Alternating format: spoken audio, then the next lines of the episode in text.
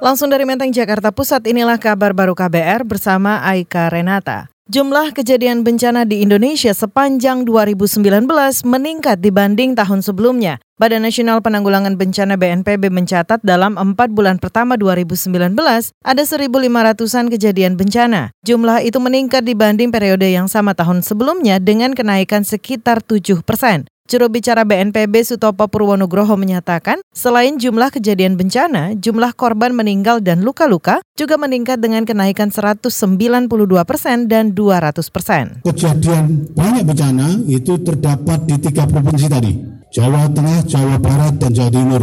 Mengapa?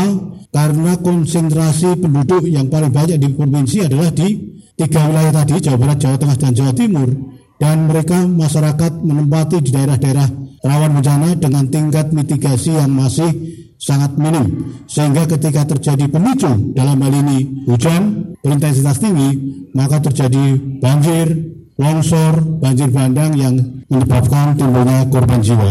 Juru bicara BNPB Sutopo Purwonugroho menyatakan dari segi jumlah pengungsi terdampak bencana pada empat bulan pertama tahun ini, jumlah pengungsi turun 30 persen dibanding periode yang sama di tahun lalu. Dan saudara saat ini BNPB mencatat ada tiga bencana paling banyak menyebabkan korban jiwa yaitu banjir dan longsor di Sulawesi Selatan, banjir dan longsor di Sentani, Papua, serta banjir dan longsor di Bengkulu. Total kerugian di tiga wilayah itu mencapai 1,7 triliun rupiah.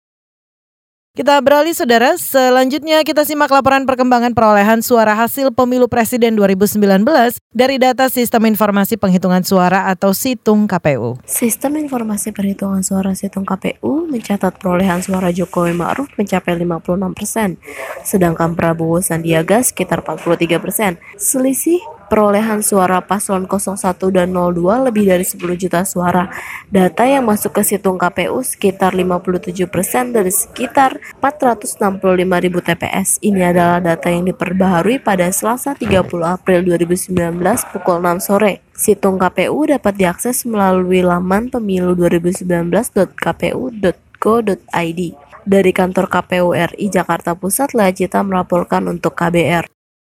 Kita beralih saudara Kementerian Lingkungan Hidup dan Kehutanan KLHK berencana menggandeng Kepolisian Internasional Interpol untuk mengungkap sindikat internasional perdagangan ilegal tumbuhan dan satwa dilindungi. Kepala Subdirektorat Penegakan Hukum Wilayah Jawa Bali di KLHK Takiudin menyatakan perdagangan ilegal itu makin marak di Indonesia. Belum lama terungkap sindikat perdagangan ratusan barang terbuat dari satwa dilindungi khususnya gading gajah. Takiudin menyebut ada dua kemungkinan sindikat itu terhubung dengan jaringan lain, baik dalam negeri ataupun luar negeri. Si penyidiknya masih periksa, masih pengembangan kasus. Nah, jadi masih menggali terus lah nih. Tapi kalau memang ada indikasi ke sana, kita pasti ini uh, terhubung kan sekarang sudah kerjasama dengan yang di ASEAN sama di ini kan internasional udah bagus ada di Interpol itu kerjasama udah cukup baik. Jadi ya ini pengembangan masih kita masih menunggu. Kepala Subdirektorat Penegakan Hukum Wilayah Wilayah Jawa Bali, KLHK Takiudin menyatakan dalam perkara terakhir ada penangkapan tiga tersangka di sejumlah tempat terpisah di Jawa Tengah. Kemungkinan terdapat tersangka lainnya. Dalam perkara itu, aparat penegak hukum menyita ratusan produk kerajinan terbuat dari gading gajah, tanduk rusa, hingga kuku beruang madu.